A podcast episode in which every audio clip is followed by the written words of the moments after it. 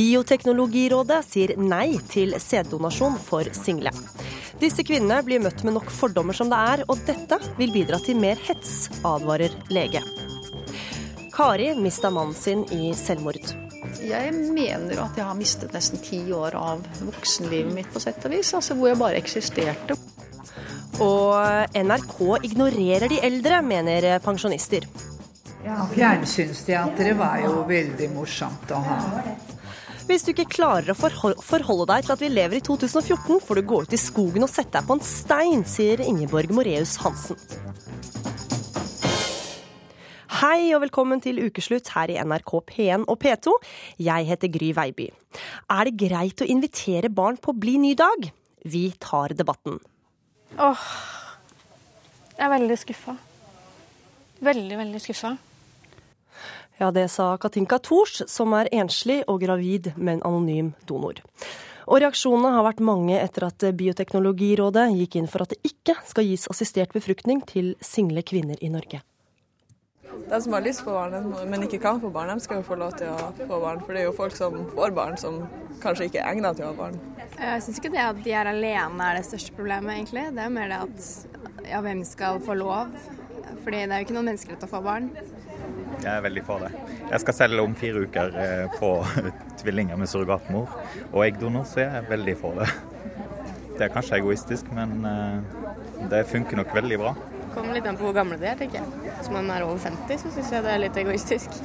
Argumentet med at man må være to og avvise single kvinner av den grunn, det syns jeg er dårlig gjort. Men de mener at det, at det er barnet man tenker på, da?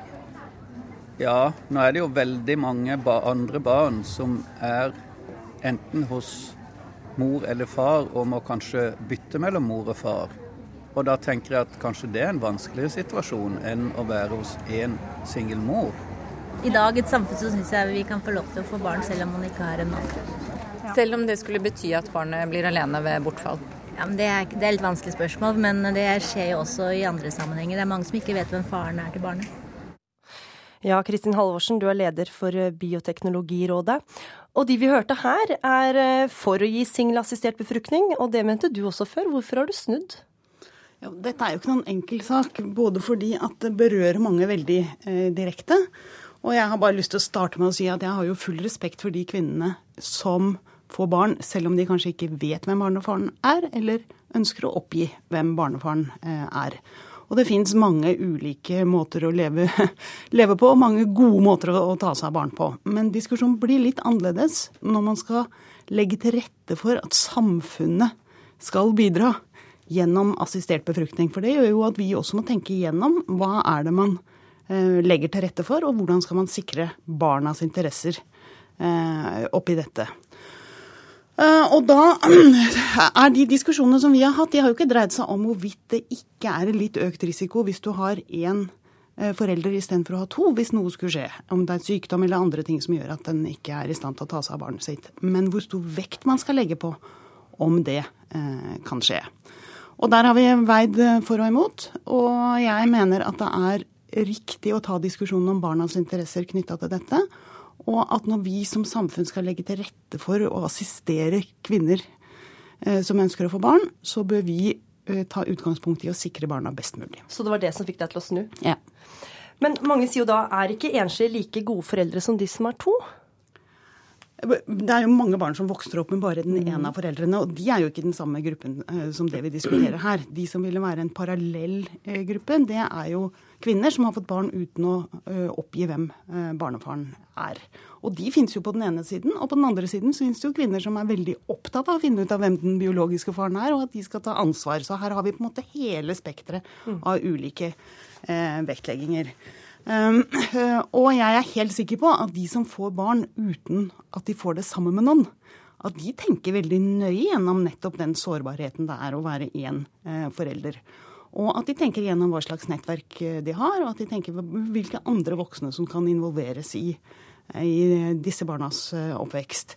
Men det er litt annerledes enn om vi som samfunn eh, assisterer enslige kvinner som vi vet ikke kommer til å ha en annen forelder til de barna. Mm. Øyvind Nytun, du er tidligere overlege ved seksjon for barnløshet ved St. Olavs hospital, og nå er du lege ved Fertilitetssenteret i Oslo. Du mener dette forbudet bidrar til stigmatisering. Hvordan da? Altså, Ønsket om, eh, om, barn det er jo helt uh, naturlig, grunnleggende del av oss. Og uh, det å da måtte få hjelp til å lykkes, det opplever så mange som veldig skamfullt. Og det gjelder mange områder innen kvinnehelsespørsmål, men særlig her, kanskje. Det man gjør er at man sender et, med et forbud et signal om at disse kvinnene gjør noe galt, og forsterker den skamma mange allerede føler. Man kan gå og se på f.eks. på kommentarfeltene i i eh, nettavisen og lese hva det er som skrives der. Men er det da riktig at det skal tilrettelegges for at uh, single kan bli foreldre? Altså, Jeg er jo generelt et liberalt menneske og mener det at uh, hver og en er stort sett i stand til å ta de beste valgene for seg sjøl, sin kropp og sitt liv. Og terskelen for å forby noe må være høy. Og det finnes jo ingen dokumentasjon for at det, det går dårligere med de barna som, kommer, som blir født inn i andre familiekonstellasjoner enn den tradisjonelle. Som kan, kan, du si noe mer om fordommene disse kvinnene som kommer til din klinikk, møter? Ja, så det er jo For det første så blir de alenemødre. De velger sæddonor. De, vel, de gjør et valg som bryter med det tradisjonelle. Dette er veldig tabubelagt, og det er ikke lett for de kvinnene her å snakke om. Og Hva slags fordommer er det de møter da? Hva sier folk? Nei, kan jo, Man kan jo bare kikke f.eks. det som står på, eh, på, eh, på, kommentarfeltet til en av disse her eh, artiklene nå i, i går. Da står det f.eks. fra én person at hvis en kvinne ikke, ikke, klarer å holde på en mann lenge, lenge nok til å få et barn, så er ikke hun i stand til å ta seg av et barn. Og så her er kommentarene, de bare fortsetter. Det er klart Kommentarfeltene i nettavisen er kanskje ikke representative, men det er jo et lite signal. Mm. Ja, Kristin Halvorsen, Kan ikke dette bidra til å skape flere fordommer da, mot dem som reiser og får barn eh, andre steder enn i Norge? For det første så vil jeg jo absolutt anbefale folk om å la være å lese kommentarfelt, for der uh, står det mye som kan støte veldig, veldig mange. Og uh, Nytun har helt sikkert rett i at det er både tabuer og mange mennesker som, som tillater seg å ha veldig sterke uh, synspunkter på valg som, som andre gjør. Eh, og det kan de for så vidt bare la være. Og de barna som blir født, de skal vi ta oss av best mulig uansett hvordan de har kommet eh, til verden. Men i diskusjon, Og det er, dette er jo vanskelig fordi, eh, å diskutere, fordi at det er veldig lett å ta seg nær av noen av de argumentene som også Bioteknologirådet gir i denne, i denne, saken her. Men uansett så er det en sårbarhet knytta til å ha én forelder i forhold til å ha to. Mm. Eh, og den mener jeg vi må legge eh, på bordet. Og, og, eh, vi skal nå gå gjennom hele bioteknologiloven. Og det er mange spørsmål som ikke har noe med dette å gjøre, men som ellers berører barns rettigheter, som jeg mener skal mye lenger fram i, i diskusjonen. Nytun, altså, nå er det jo mange som reiser til Danmark. Hvorfor er det så viktig at de skal få gjort det i Norge? Det, det har jo litt med det som jeg sa her, med de signalene man sender til de kvinnene om at det, det er faktisk ikke galt, det de gjør. Og i tillegg så er det, hvis man ønsker en viss kontroll på det som skjer, så er det lettere hvis man har et tilbud i Norge. Mange som reiser utenlands, reiser til land der det f.eks. ikke er mulig å få eh, åpen donor. I Norge så er det kun åpen donor som er muligheten, noe som vi mener er best for det barnet som blir født. Halvorsen, er ikke det et godt argument? da? At her kan vi sikre kontrollen? Det er et argument for, det er jeg helt enig i. Men jeg mener at det ikke kan være avgjørende, for på veldig mange områder så har vi land som eh, tilbyr eh, tjenester til de som er ufrivillig barnløse, eller på andre områder innenfor helsesektoren, som vi ikke eh, av den grunn skal tillate i Norge. Så vi må ta den diskusjonen sjøl. Og Et annet argument som ofte kommer opp, er hvorfor er det greit at single adopterer, men de skal ikke få hjelp til å bli gravide? Ja, Det er jo et ganske viktig eh, problemstilling. og det er Eh, sånn at de som skal bli godkjent som adoptivforeldre, de går gjennom en veldig grundig mm, vurdering. Barnevernet er inne, det er hjemmebesøk, det er full rulle. Eh, de som får tilbud om assistert eh, befruktning, de gjennomgår ikke en tilsvarende vurdering av sin egnethet. Og antagelig er det ikke gode grunner heller til å, å sette i gang et stort apparat eh, for det. De fleste av dem ligner alle andre eh, som får barn. Men det betyr jo at det kan være enkelttilfeller her som gjør at eh, som absolutt burde vært forhindret i også å få egne biologiske barn, men uten at man oppdager det. Og når det gjelder adoptivforeldre, så kan du f.eks. la oss si at det er et barn som blir foreldreløst, og at det er en enslig tante eller onkel som er den nærmeste personen og som ønsker å adoptere dem. Det vil jo være en veldig god grunn for at det er barnets beste. Da har man utgangspunkt i hva som er barnets beste. Mm. Nytun, helt kort til slutt. Er det ikke en fordel da med to foreldre, dersom det skulle skje? Jo, det kan jo godt være, men generelt så har man jo ingen eh, garantier i livet. Og vi gjør også en grundig vurdering av eh, den eh, medisinske og psykososiale egnetheten til de parene som vi slipper inn til behandling. Rett nok ikke så grundig som en sosialrapport. Men det jeg har lyst til å si helt til slutt, det er at vi må ikke glemme den, at det ikke foreligger noe dokumentasjon på at de barna her får det noe dårligere hvis de er født inn i en annen familiekonstellasjon. Og som min eh, tidligere sjef på St. Olav sa, det er to ting som avgjør hvordan et barn vil få det. Det er ærlighet og kjærlighet. Kort Ja, det er helt riktig at vi har ikke noen dokumentasjon som tilsier at den ene eller den andre måten å vokse opp på er, er eh, bedre. Eh, det som vi også vet, det er jo at barn som vokser opp med lesbiske mødre, har en like god mulighet og god start eh, her i livet. Så det er ingen grunn til å ha fordommer mot barns oppvekst, selv om vi skal ta den debatten. Takk for at dere kom til eh, ukeslutt, Kristin Halvorsen og Øyvind Nytun. Denne uka gikk Da Capo-stjernen Vidar Lønn Arnesen til angrep på NRK. Han mener at Statskanalen bruker for mye penger på dem mellom 20 og 40 år, og ignorerer de eldre seerne. Vår reporter Maria Lavik har møtt pensjonister som tar TV-underholdninga i egne hender. Ja, Fjernsynsteatret var jo veldig morsomt å ha. Det har nok sin riktighet. Jakob Vossø er en pålitelig vann. Det kan du si at det savner vi i grunnen. Det var eh, veldig morsomt eh, å se teatrene på forestillingene på fjernsyn. Og veldig fint for mange som ikke kom til teatrene. Landet vårt er jo ganske stort, da. Men det er jo ikke alle som vil gå i Oslo, da, vil gå ned i byen på kveldstid. Jeg liker det ikke.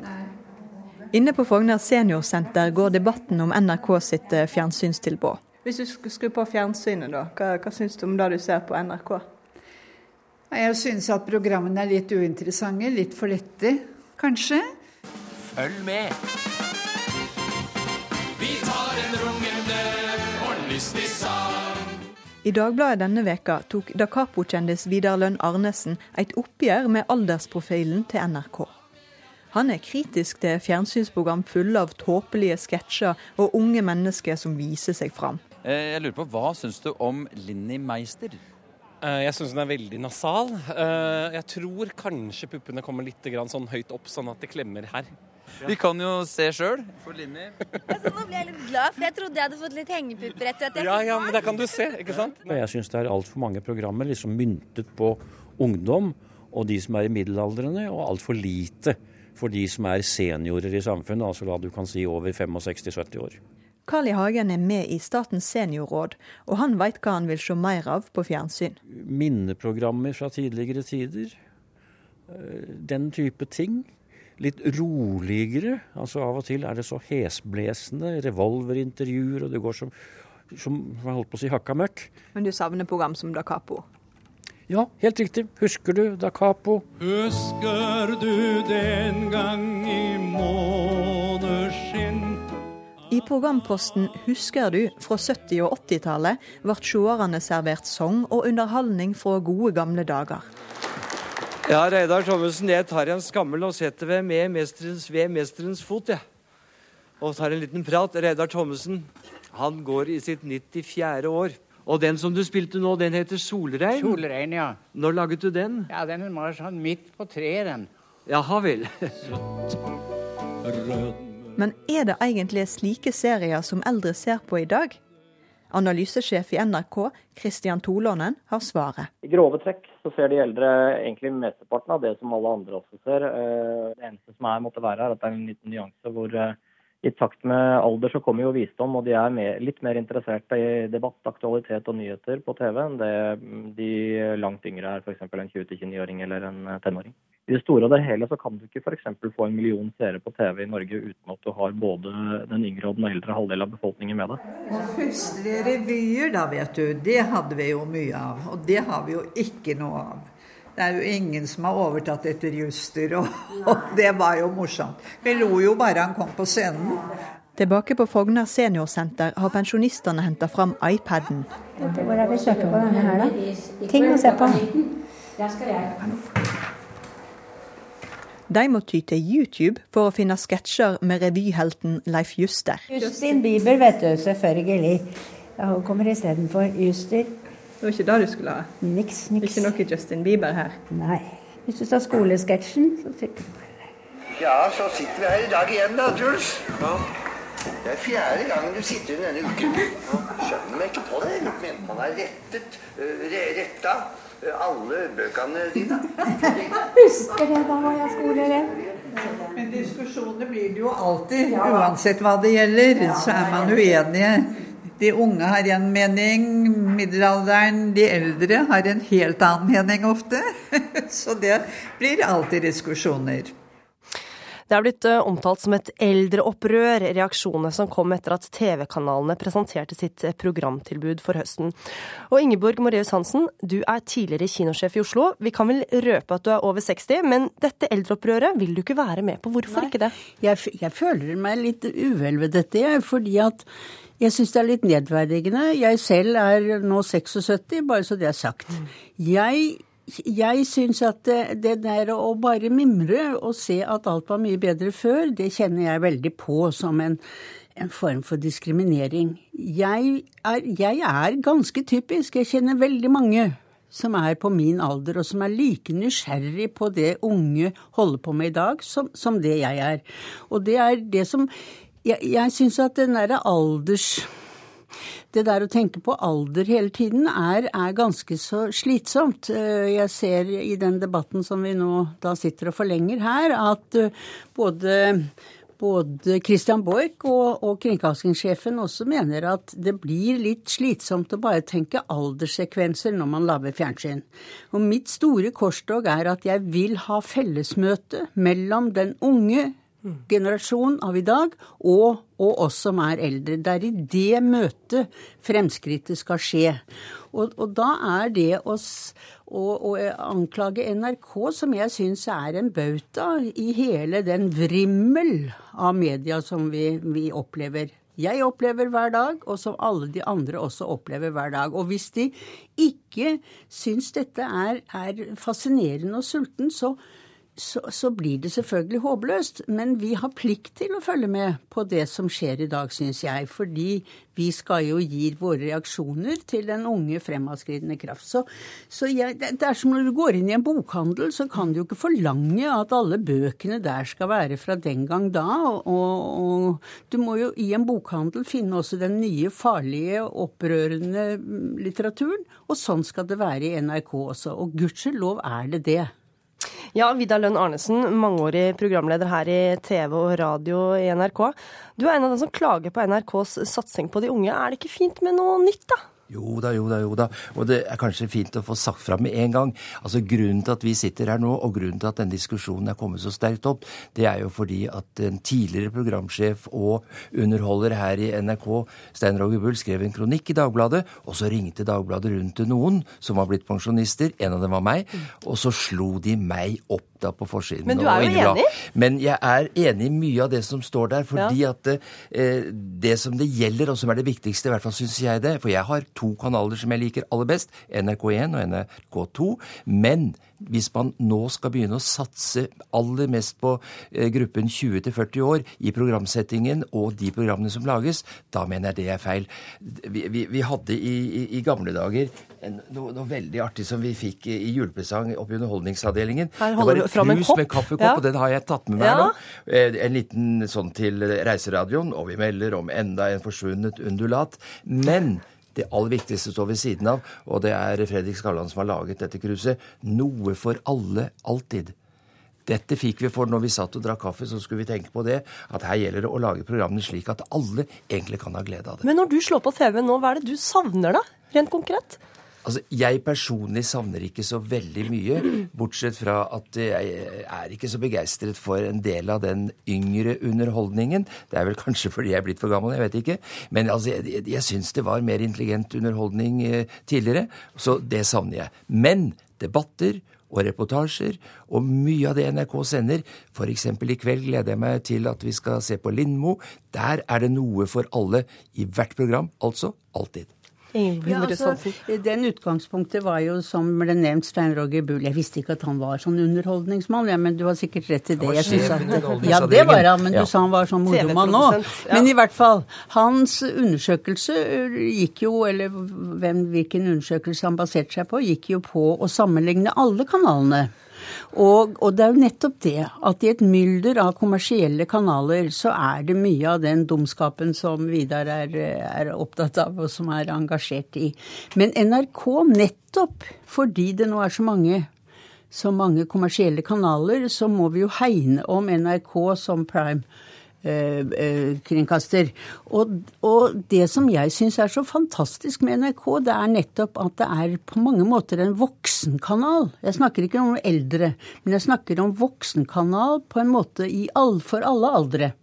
Det er oppreiste voksne mennesker, selv om de er unge, som er programledere også i de program som skal treffe den yngre generasjon.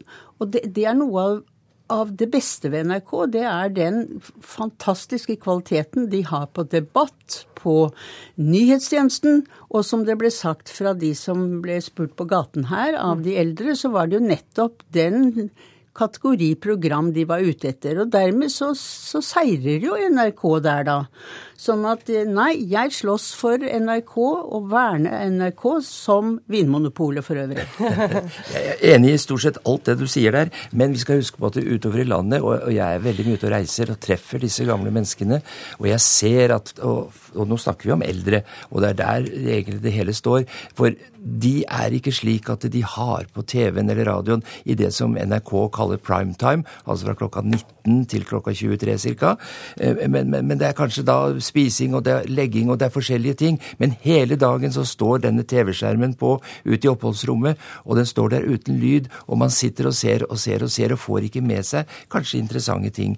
Og derfor så samler Det skulle det blitt sendt på kvelden, da? eller? Nei, det skulle egentlig kanskje NRK burde rett og slett ha hatt en fast tid på ettermiddagstid, for da, etter at man har fått kaffen sin ved firetiden, da, da, da, da er det ting som, som, som, gjør at man kan sitte og ha en hyggestund foran TV-apparatet. Jeg vet at det da sender meg både Derrick og, og, og, litt av hvert. Men så er det dette med å skru over fra NRK1 til NRK2, NRK2. Det er ikke alle som klarer det når man kommer opp i en viss alder. Og det er disse menneskene som man hører om, og det er disse som også sier stadig vekk Nei, men det er jo ingenting på NRK. Vi som klarer alt dette, vi får jo med oss alle programmene og har ikke noe problem med det. Ingeborg Maria Hansen? Ja, nei, altså For det første, de eldre ute på landet, det, det er nå også en ting. I Oslo også. Ja, nettopp. nettopp. Og så er det det at de, unge, de eldre i dag, i likhet med deg og meg, de er jo så oppreiste og så spreke. Og den derre krisebildet av de eldre mennesker. De er sultne på nyheter, de følger med, og på samme måte som gjenta dette med bokhandel, så har jo alle også godt voksne mennesker mange kanaler, og hvis ikke de har mange kanaler, bør de skaffe seg det. Og det er en, på en måte en plikt, syns jeg, å følge med lite grann i det fellesrommet som media egentlig er for oss. Og det å melde seg ut der, det, det håper jeg de ikke gjør, for det er jo en rikdom i dette. Selv f.eks. når jeg har en flat dag og syns alt er fryktelig kjedelig, så setter jeg på YouTube, og så får jeg Viktor Borge levende foran meg på skjermen. Og så, og så, plutselig er han gjest i mitt hjem. Det er jo helt enestående, og det kan jeg gjøre, og det kan alle dere andre gjøre også. Nei, det kan ikke alle andre gjøre. Det er nemlig det som er sannheten. Det er ikke alle over la oss si 60 år da, som håndterer dette med data. Og, og, og, og de burde fått sitt eget tilbud. Arne Helsingen, du er TV-sjef her i NRK. Det er jo to millioner nordmenn over 50. Er det ikke, er det ikke da viktig at NRK satser satser mer på dem? Jo, nå syns jeg jo Nå var det snakk om ganske mange forskjellige grupper mennesker, da. Mm. Vi har en målgruppe som er hele folket. Mm. Og, og, og, jeg er veldig glad for det Ingeborg Moreus Hansen sier, for det er, det er litt av det vi arbeider med. Vi arbeider med å prøve å trekke finne utfordringer i samfunnet som vi presenterer på en relevant måte overfor de forskjellige gruppene i samfunnet, og få folk til å interessere seg for hverandre. Altså rett og slett være et slags lim i samfunnet. Det er en av våre oppgaver, mener vi. Så er det fem millioner mennesker som har forskjellige meninger om oss. Mm. Og, og, på en lineær kanal så er det vanskelig å tilfredsstille det hele tiden. Det er det som er ganske spennende nå med den nye verden, hvor du også da kan legge ut programmer uh, slik at folk kan velge når de selv vil se det. Og det vil jo gjøre at særinteressene vil At man, kunne, man kan få en mer personlig eh, bruk hvis man ønsker det. Man kan gå inn på nettet rett og slett og ja, det finne det man men, men, men, det kan ikke alle, for det nei, er ikke alle, alle, som kan uh, håndtere en datamaskin. Men er det ikke litt stigmatiserende å skulle lage sånn eldre-TV, da? Altså, jeg er mest uh, Jeg reagerer egentlig bare på dette at kringkastingssjefen og andre i, i, ledelsen her i NRK går ut og sier at nå skal vi basere mer og mer vår programpolitikk på de mellom 20 og 40 år. Ja. Og det er det som jeg mener er galt. Men da har jeg, har jeg et forslag. Jo, det har han sagt i en uttalelse. Men, kjære dere, det var var jo aksjoner fordi mange lyttere mente at P1 spilte for mye rocka musikk. Og da kom P1 pluss. Når kommer NRK1 pluss? Ja, jeg må bare si én ting først. Og det er at uh, vi, vi tilrettelegger, prøver å gjøre alt mulig enkelt for at folk skal kunne ta imot vårt tilbud med teksting og alt mulig. Og det Når det gjelder det med P1 pluss uh, NRK1 pluss venter NRK1 på nå. Så, så, så, er NRK1 pluss ligger jo for våre føtter etter hvert som uh, folk kan velge det de selv vil. Vi har 40 000 programmer i, i, arkivet og kommer til å fortsette å legge ut det. Tusen takk for at dere kom til uh, ukeslutt. Vi avslutter med en sang som Vidar Lønn Arnesen har fått velge. Det er 'Tanta til Beate' med Lillebjørn Nilsen.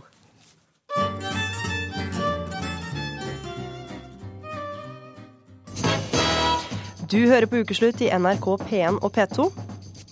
Og da har jeg kjent på den at nå kunne du faen meg vært her, altså. Hør om Kari som ble aleine med tre barn da mannen tok livet sitt. Og voksne må ikke legge for mye inn i barns lek, mener skribent som synes det er synd at sminkefesten på en SFO ble avlyst. Skuffelsen jeg hadde overfor meg sjøl for at jeg ikke klarte å, å på en måte gjøre alle fornøyd, eh, inkludert meg sjøl. Å komme til det punktet der du faktisk kan ikke se håp noen plass. Og faktisk tro at nei, livet blir ikke bedre. Det tenkte jeg. Det er like greit å bare Jeg fikser ikke det livet her, jeg kan like godt bare avslutte det. Det sa artisten Lene Marlin til Dagsrevyen tidligere denne uka, etter at hun eh, fortalte i en kronikk i Aftenposten at hun har forsøkt å ta livet sitt.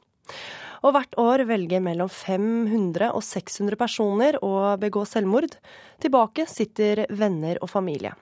Reporter Elisabeth Onsum har møtt en som opplevde at ektemannen tok sitt eget liv. Harald var en pen mann. Brune øyne, sånn, som du har, faktisk. Eh, med, med sånn lysebrunt eller mørkeblondt hår, sånn som veldig mange nordmenn har som har lys som barn. Helt rett hår. Pene trekk. Eh, gjennomsnittlig høy, slank, veltrent, veldig glad i å gå på ski litt sjenert på et vis. Eh, men når han ble kjent med folk, så ble folk veldig glad i ham. Han var veldig lun og god humor. Veldig omtenksom, stillferdig. På en eh, veldig behagelig måte. Det hadde vært dem helt siden studietiden, Kari og Harald.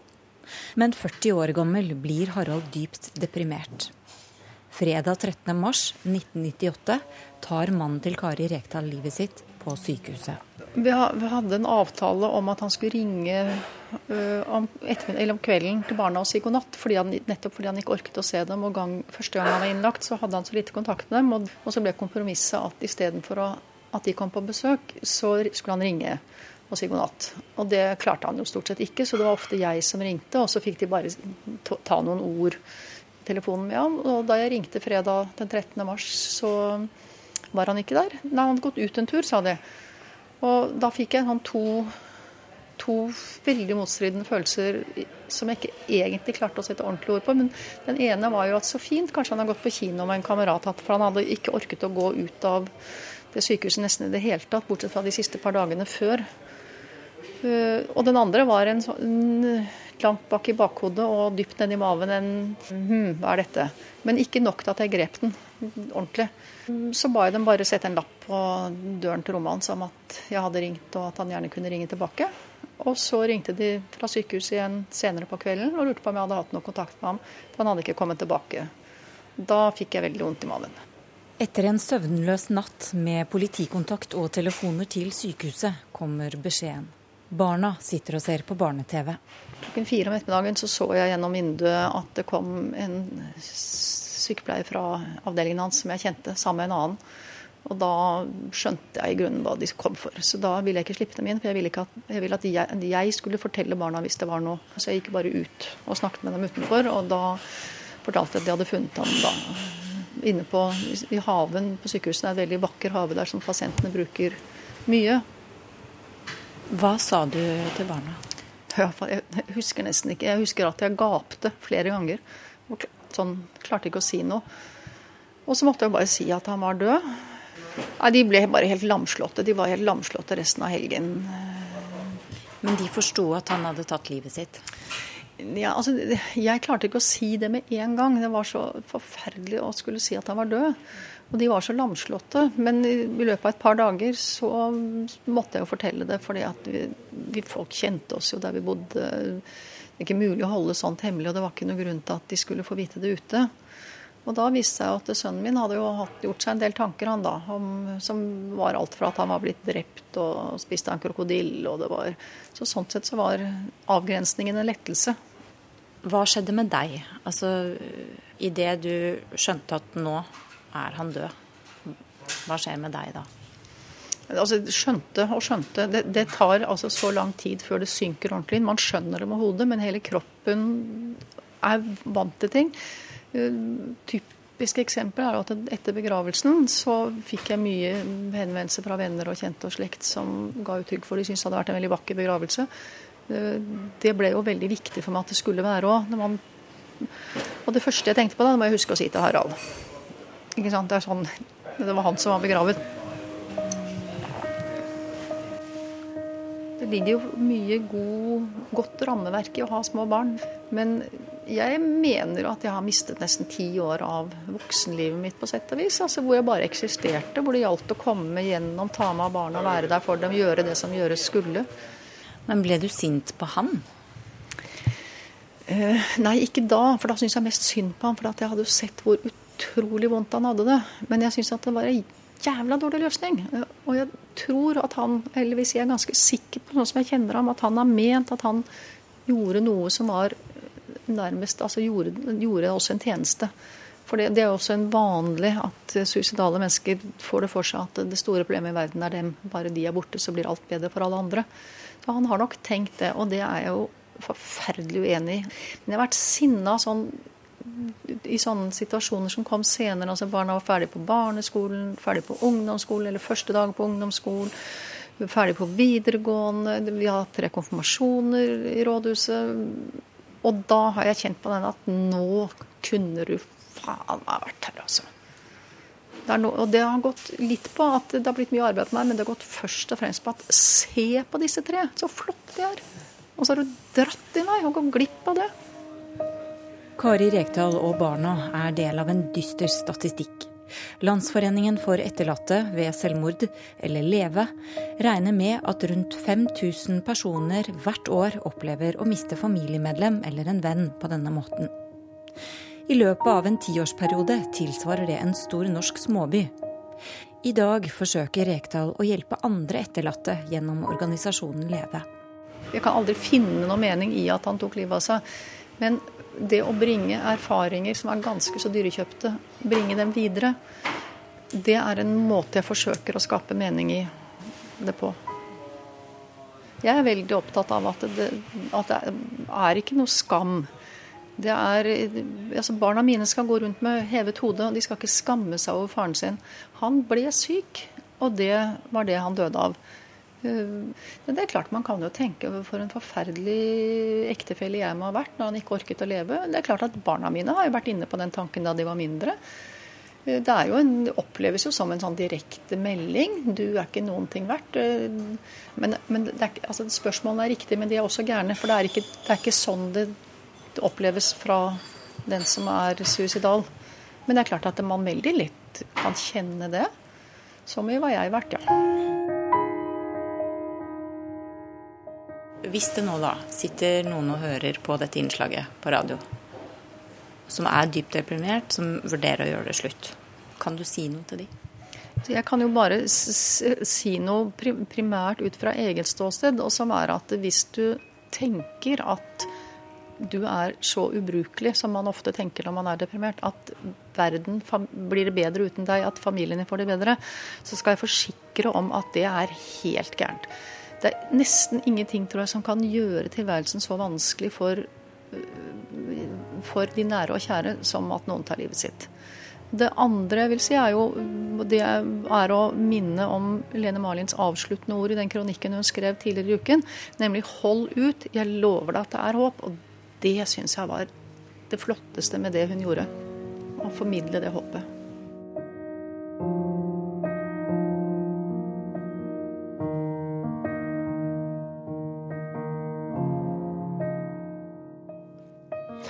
Ja, Mette Lyberg Rasmussen, du er forsker og psykolog ved Folkehelseinstituttet. Og du har snakket med etterlatte etter ti unge menn som valgte å ta livet sitt. Fant du noen fellestrekk ved deres historier? Ja, for i motsetning til tidligere forskning, som hovedsakelig har vært opptatt av å identifisere generelle risikofaktorer for selvmord og selvmordsforsøk hos mennesker som allerede er i kontakt med psykisk helsevern, eh, og uten at vi med det har klart å redusere selvmordsratene, Eh, og uten at han har klart å fremskaffe kunnskap om hvorfor mennesker tar livet sitt, så har vi i et nytt studie ved Folkehelseinstituttet retta fokus på de såkalte lyn fra klar selvmord, lyn fra klar himmel-selvmord hos unge, flinke menn. Nettopp fordi det er de unge mennene som topper selvmordsstatistikken. Og fordi unge, veldig få av de unge mennene er i kontakt med psykisk helsevern i forkant, og vi vet veldig lite av hvorfor de tar livet sitt og, og, funnet at når vi legger sammen, som vi har gjort i hvert av disse selvmordene vi gikk inn og dybdestuderte, både mors og fars og søsken og venners og kjæreste og avdødes avskjedsbrevs eh, forståelse og historie bak selvmordet, at til tross for at selvmordet der og da opplevdes som å komme som lyn fra klar himmel, når de etterlatte i ettertid forsøker å forstå hvorfor, hvorfor tok han livet sitt, og hvorfor akkurat nå, og akkurat på denne måten, og akkurat han, så knytter selvmordet til en prosess som har utvikla seg over tid. Hvor de unge mennene, som alle var studenter på videregående skoler universiteter eller satt i gode jobber, og beskrives som veldig flinke og med store krav til prestasjon, i perioden før selvmordet strevde med å leve opp til noen høye mål de hadde sett for hvem de skulle være og hvordan livet skulle se ut. Og at det var særlig denne denne opplevelsen av å være mislykka og følelsen av å være avvist, som de verken var i stand til å regulere eller håndtere, og som igjen i ettertid synes å ha utviklet, eller igjen over tid synes å ha utvikla seg til både en uholdelig skam og tanke om at livet ikke var verdt å leve, eh, som de etterlatte løfta opp som det helt sentrale i selvmordene. Mm. Fordi, sånn som Du sier, du har snakka med etterlatte, og mange klandrer mm. seg selv i ettertid for at de ikke har klart å fange opp en som seinere tok livet sitt. Men er det mulig? Ja, det, det er jo utrolig vanskelig. Og, og etter å ha jobba som psykolog med etterlatte i ti år, så har jeg, har jeg hørt uendelig mange smertefulle historier fra etterlatte som sier at jeg burde jo ha skjønt det, fordi han sa det jo enten direkte eller indirekte til meg. Men jeg klarte liksom likevel ikke høre det, som vi hørte Kari Rekdal òg var inne på tidligere her. Men saken er vel at, at signaler på selvmordsfare, selv om de er til stede, kan være utrolig vanskelig å fange opp. Og i vår forskning så, så, vi nett, så har vi jo nettopp tatt tak i at hva de etterlatte i ettertid løfter fram som tegn på som tegn på en eventuell selvmordsfare i disse lyn fra klar himmel-selvmordene, og som vi kan lære noe av. Og det mange peker på, det er at de opplevde De gikk òg, som Kari Rekdal sa, godt med en, en, type bekymring for avdøde i perioden før selvmordet. Og, og mange sa jo at, det, at for de så, så, var det som om vedkommende sto fast i, i en type problemsituasjon hvor de stadig vendte tilbake til en tidligere feilslått beslutning som de, de sjøl var ansvarlige for, og som de bebreida seg for for at de burde ha gjort annerledes, og som de ikke syntes å komme over. Og mange sa òg at de stussa på uttalelser som vedkommende hadde gjort eller sagt før selvmordet, som de ble gående gruble på, som de ikke fikk helt til å stemme. Og, og noe kunne handle om egen død, eller det kunne handle om selvmord hos seg sjøl eller andre.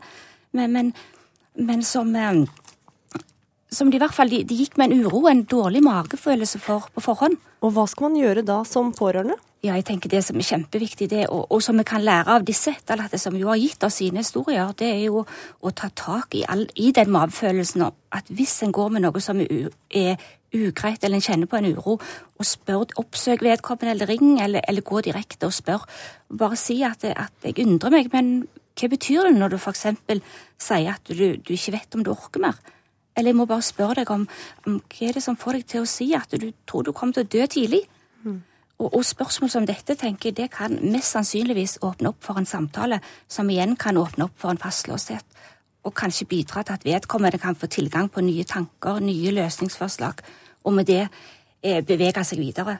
Mm. Og så er det jo det at hvis det kommer fram at vedkommende går med tanker om å ta livet sitt, eller liv ikke er verdt å leve, eller direkte selvmordsplaner, så er det jo noe med å hjelpe og motivere vedkommende til å komme i kontakt med helsevesenet Spør direkte om du kan få ringe og bestille time, og gjerne følg vedkommende. Det, det, vi ser er at det å, å si at du, du, bør oppsøke helsevesenet til noen, det er kanskje ikke nok.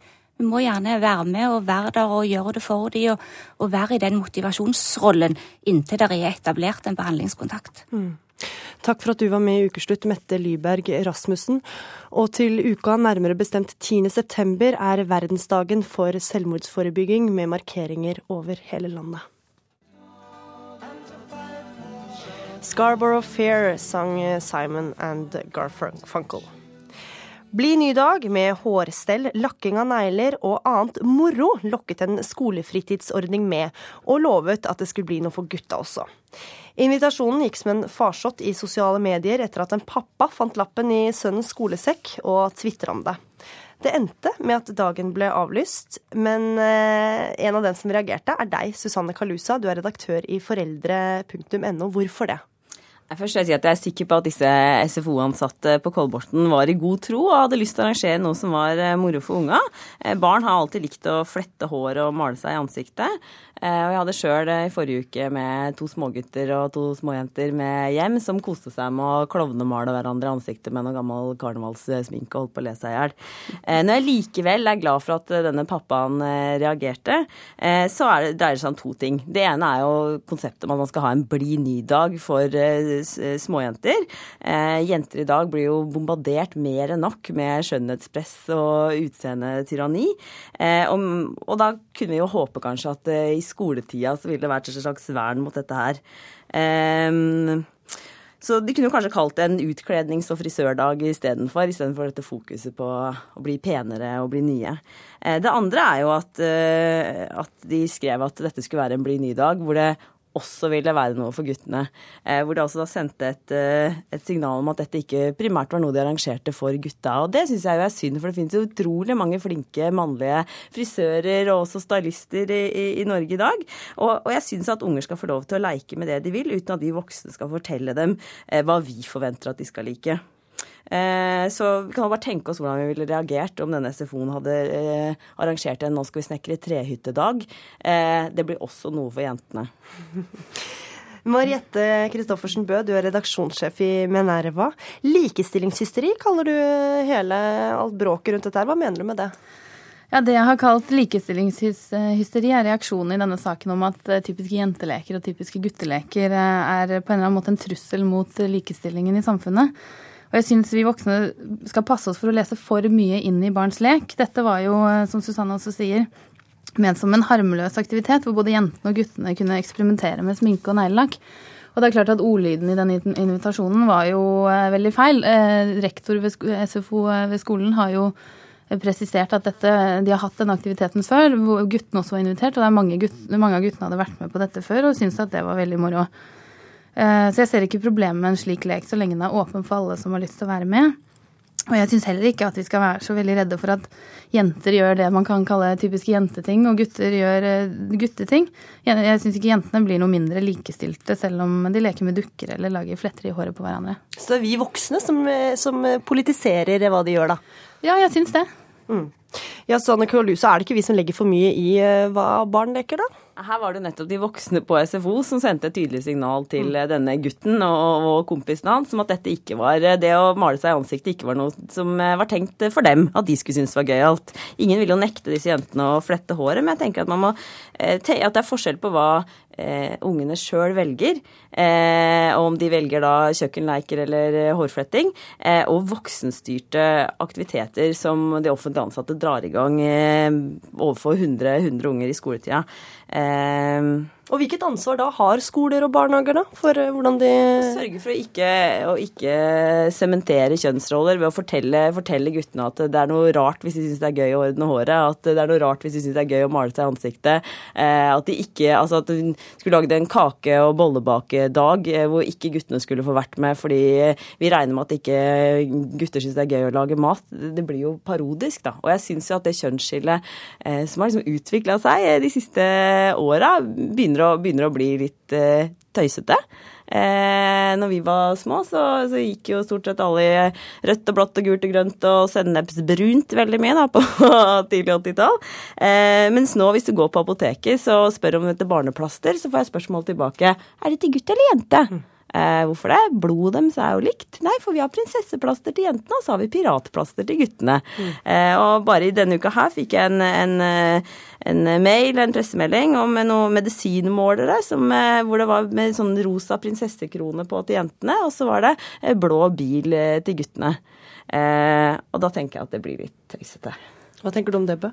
Ja, nei, altså Det er klart at det er veldig mye rosa og blått i samfunnet nå, men det er jo gutteting og jenteting og sånn. Det er jo ikke akkurat noe nytt. Da jeg var liten, jeg gikk på ungdomsskolen, jeg husker jeg opponerte mot sminkepresset på skolen med å ta et, ha et helt år som sminkefri. Jeg ble vel egentlig bare sett på som litt sær på grunn av det. Eh, og denne SFO-saken, altså SFO-saken, det var jo ikke for det var jo ikke for å prøve å si at barna var mindre verdt på en måte, eller, eh, eller, at det ikke var bra nok, eller at jentene var mindre verdt enn guttene. Dette var jo ment som en harmløs lek. De har valgt et, en formulering som kanskje de, de, de, kunne jo kalt det hva som helst. De kunne kalt det sminkefest eller hva som helst. Men det var jo ikke Eh, jeg syns ikke vi bør lese for mye politikk i alt eh, som er. Og gutter og jenter er jo eh, forskjellige. Gutter, jenter liker ofte å leke mer med dukker enn det gutter gjør. Jeg syns ikke vi skal ta så på vei for det og tenke at det truer likestillingen i samfunnet. Likestilling handler om veldig mye mer enn dette også. Like rettigheter, like muligheter for alle. Og selvfølgelig må vi oppdra barna våre til å vise omsorg og respekt for alle, uavhengig av kjønn og andre ting. Og skolen og barnehagene har jo også et ansvar her. Eh, men om de leker med sminke eller eh, dukker f.eks., det syns jeg ikke er så farlig. Vi må ikke overtolke barns lek på den måten. Ja, Er det så farlig? Jeg er veldig glad for at du sier at, eh, at du syns barn skal ha like, ha like, muligheter for alle. For det var nettopp det folk har reagert på i denne saken her. Da, at, at, det ble lagt opp til eh, å gjøre de kjønnsforskjellene større enn en de er. Ved at eh, ved at aktiviteten skulle være for jenter, men noe for gutta attås. Altså det eh, ut, finnes utvilsomt kjønnsforskjeller. Eh, altså, jeg føder barn, det gjør ikke mannen min, og det vil ikke sønnen min gjøre heller. Eh, men det er ikke mange generasjoner siden vi ville synes det var utenkelig å ha en kvinnelig lege, advokat eller statsminister. Og det er ikke fordi kvinner er mindre biologisk eh, disponert for å lese bøker eller for å lede et land. Helt kort til slutt, Bø. Nei, altså denne, denne, Jeg syns jo denne saken har blitt blåst ut av alle proporsjoner. Eh, formuleringen, eh, helt enig, den var ikke inkluderende. Den ga et inntrykk av at dette bare var for jentene. Eh, det var jo ikke tilfellet, som rektor sa. Denne leken hadde de hatt i flere år, og guttene hadde vært med, og de var velkomne. Så formuleringen var helt klart uheldig. Men det er jo nettopp det jeg syns med denne saken, at vi har lest for mye inn i den. Vi overpolitiserer dette her. Og nå er det en gruppe barn eh, ved Kolbotn SFO som har fått avlyst Som ikke her er i dag. Så... ja, og ikke får leke eh, sminkedagen sin fordi at vi voksne sier at denne leken sender feil signaler om kjønnsroller ut i resten av samfunnet. Det jeg håper jo de får eh, ta denne lekedagen sin med alle neste uke, da. En karneval og fikse håret-dag. Og det får vi håpe de gjør. Takk for at dere var med i Ukeslutt. Ukeslutt er slutt. Kari Li, Finn Li, Tove Nilsen Søtorp og Gry Veiby takker for følget.